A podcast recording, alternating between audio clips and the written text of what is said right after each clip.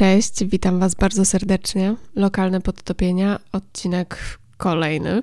Co prawda po dłuższej przerwie, ale no nadal zapraszam i cieszę się, że jesteście tutaj ze mną.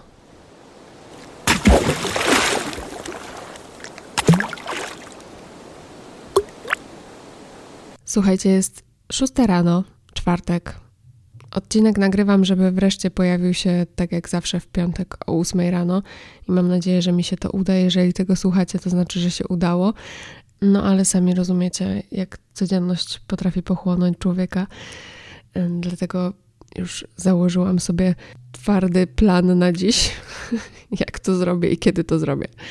W każdym razie chciałabym się pochylić w tym epizodzie nad koncepcją wewnętrznego dziecka.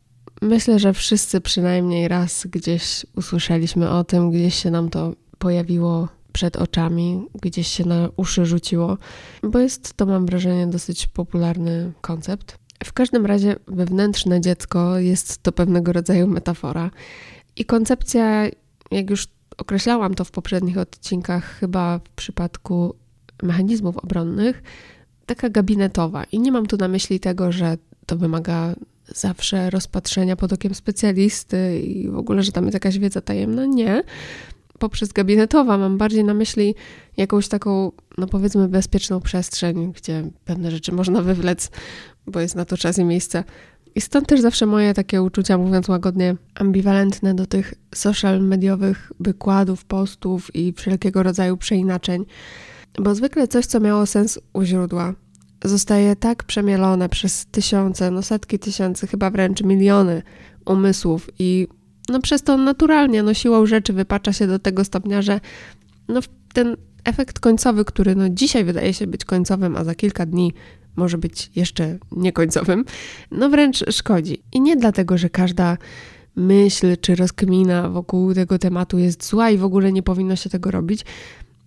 Nie, Raczej chodzi o ten szum komunikacyjny, zwykły, pospolity, poczciwy, o tę drogę z mojej głowy na mój język, poprzez pewne moje ograniczenia, no wielopoziomowe, poprzez narzędzia, które posiadam lub ich nie posiadam, prosto w czyjś umysł, który no też jest zdolny do rozumienia zwykle do jakiegoś tam poziomu. Bo myślę, że jest w tym trochę jednak prawdy, że rozumiemy drugiego człowieka tylko do poziomu, do którego rozumiemy siebie i z poziomu, którego działamy.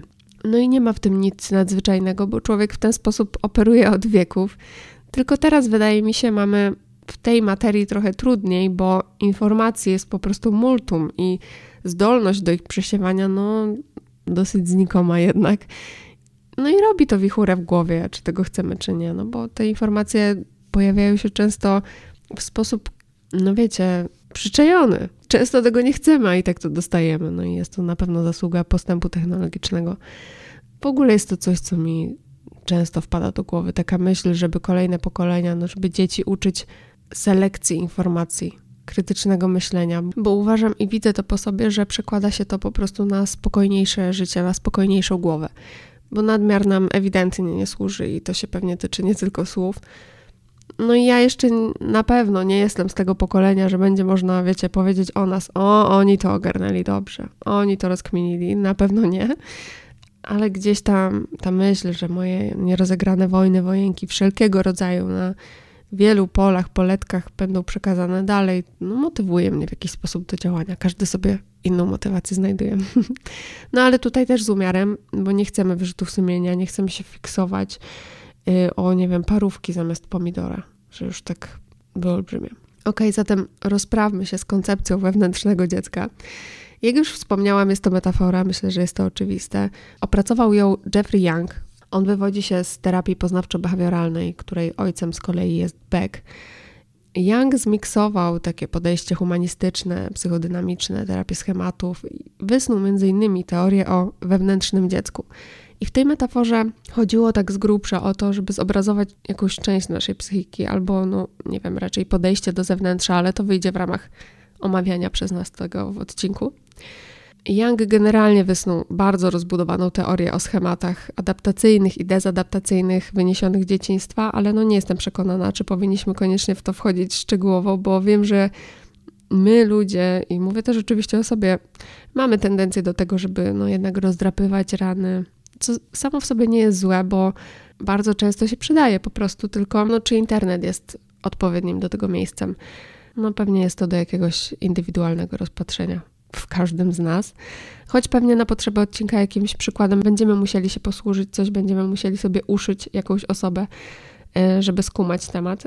Poza tym my mamy tendencję jednak do skupiania się na tym, co nie do końca działało i przypisywania temu jakiejś ogromnej roli w naszym życiu. A musimy też pamiętać, że pamięć lubi płatać figle i generalnie człowiek woli to, czego nie ma, niż to, co ma.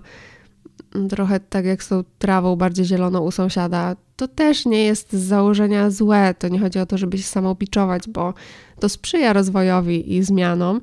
No ale wiadomo, co za dużo to niezdrowo.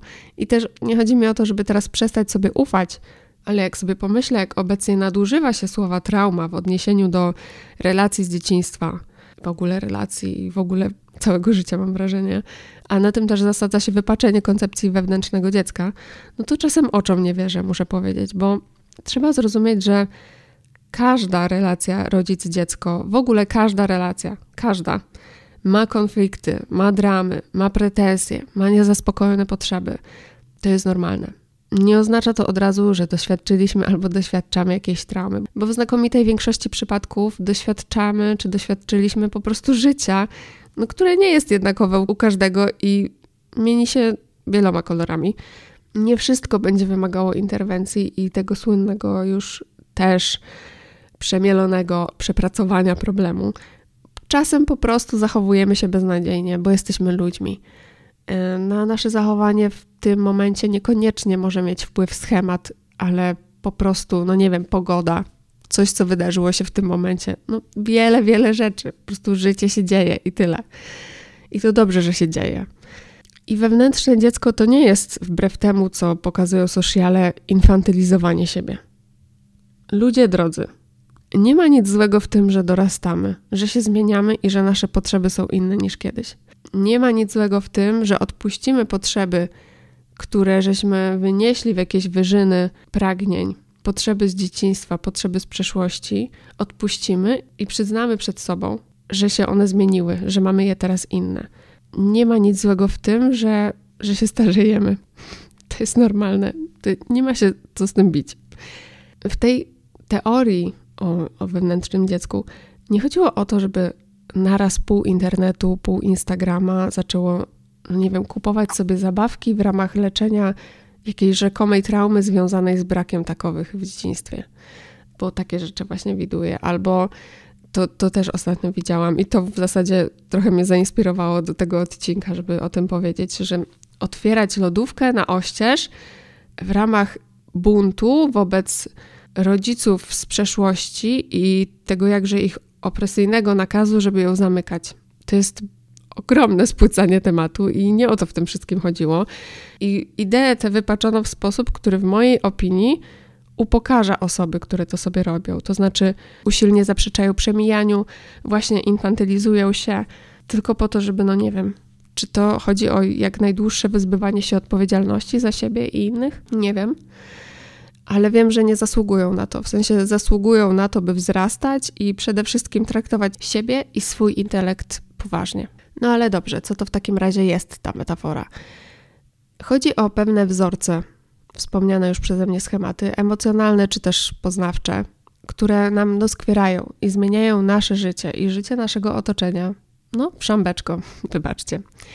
Bo jak wiadomo, no, Nasza kupa może nam nie śmierdzieć, ale innym już jak najbardziej i wtedy innym jest z nami ciężko. A ludzie na siebie oddziałują, czy tego chcemy, czy nie. I choćbyśmy chcieli nie wiadomo jak bardzo przypisać sobie prawo do stuprocentowej samotności, nonkonformizmu, chodzenia pod prąd i tak dalej, no to jesteśmy istotą społeczną. Chociażby przez to, ile nas jest na świecie, no nie jesteśmy w stanie się wyzbyć jakby tej części bycia i człowieczeństwa. Ale okej, okay, zróbmy to na przykładzie, wtedy będzie nam wszystkim łatwiej i dojdziemy do jakiegoś wniosku. W takim razie mm, może weźmy schemat wstydu i poczucia wadliwości, bo to jest taki dosyć popularny i dosyć jaskrawy. Czyli mamy, dajmy na to, Kazimierza. Swoją drogą nie wiem, czemu się tak tego Kazimierza uczepiłam. Ostatnio też coś tłumaczyłam, coś opowiadałam i też za przykład posłużył mi Kazimierz. Także wybacz, Kazik. E, ale Kazimierza, który czuje się bezwartościowy i gorszy od innych. Czyli no nic jakiegoś dziwnego i nietypowego. Ale tym samym, by ukryć ten wstyd z tym związany, poniża innych w interakcjach wszelakich, wszelkiej maści. Nie umie się sam podnieść, wiecie, więc łatwiej mu w jego głowie ściągnąć innych do podłogi, do ulicy, no bo sam operuje gdzieś z pozycji krawężnika, czyli no automatycznie w jego przekonaniu trochę wyżej niż ci, którym systematycznie dowala. Oczywiście on nie robi tego tak dosadnie. On to jest zwykle pasywno-agresywne, ścichacza, wiecie, niby od niechcenia, niby pół żartem, gdzieś umniejsza, robi dramki. No, wiadomo o co chodzi. Kazik się męczy, umówmy się, bo to jest ciężka robota, wyobrażam sobie, zresztą wyobrażam sobie, każdy z nas gdzieś w te rejony czasami błądzi y, i się tam gubi. I to jest trudne wyszukiwać w innych tylko wady i tym zaletom dawać się ulatniać. Kazik oczywiście to przekonanie o swojej bezwartościowości gdzieś wyrobił na bazie powielanych wielokrotnie zachowań otoczenia w czasie swojego dorastania i nie mówię tutaj tylko o wczesnym dzieciństwie i tylko o rodzicach. I oczywiście powodów było wiele, ale teraz nie robimy szczegółowej analizy Kazimierza. Myślę jednak, że empatia pozwala nam już teraz stwierdzić, że no Kazikowi musi być trudno być Kazikiem. Koncepcja wewnętrznego dziecka to jest ubranie w słowa tego procesu, by teraz z Kazikiem wejść w te meandry jego osobliwych zachowań i spojrzeć na nie z perspektywy dziecka i tym samym zrozumieć, skąd się to wzięło i dlaczego złożyło jaja w serduszku Kazika. Oczywiście, nie chodzi też o to, że ja sobie siebie koniecznie muszę wyobrażać jako dziecko i mieć jakiś stosunek wtedy do tego dziecka i mieć wyrzuty sumienia, jeśli do tego dziecka żadnych uczuć nie mam, bo jest aż taką abstrakcją, że ja w tych rejonach się nie poruszam. Jakby luz. Nie o to chodzi. Chodzi tylko o to, żeby skumać, dlaczego robię tak, a nie inaczej i nie uciekać od niego, jeżeli to faktycznie burzy nam życie, tylko zmierzyć się z tym dziadostwem, no bo jak szambo zacznie wybijać, no to proszę Państwa. Także jak widać, sama idea, sama koncepcja, metafora ma sens i ma duże zastosowanie generalnie, w, wiecie, w jakichś takiej sytuacjach pomocowych, interakcjach pomocowych, okołoterapeutycznych, terapeutycznych, ale jeżeli traktujemy się serio, na poważnie i nie infantylizujemy swoich doświadczeń, nie umniejszamy sobie w sposób, który nagle miałby nas cofać w rozwoju dosłownie, bo no nie tędy droga. Jakby nie róbmy sobie tego. I też może nie szukajmy na siłę winowajców wszędzie wokół, bo się może okazać, że pojawią się w lustrze i, i bardzo się rozczarujemy. Także no to tyle. Taką miałam refleksję po przeglądaniu ostatnich reelsów pomyślałam, że być może jakoś Wam rozjaśnię temat y, wewnętrznego dziecka. I co? I dajcie znać, co o tym myślicie. Zachęcam do subskrybowania, komentowania i lajkowania oczywiście. I wszystko przed nami. Słyszymy się niedługo. Hej!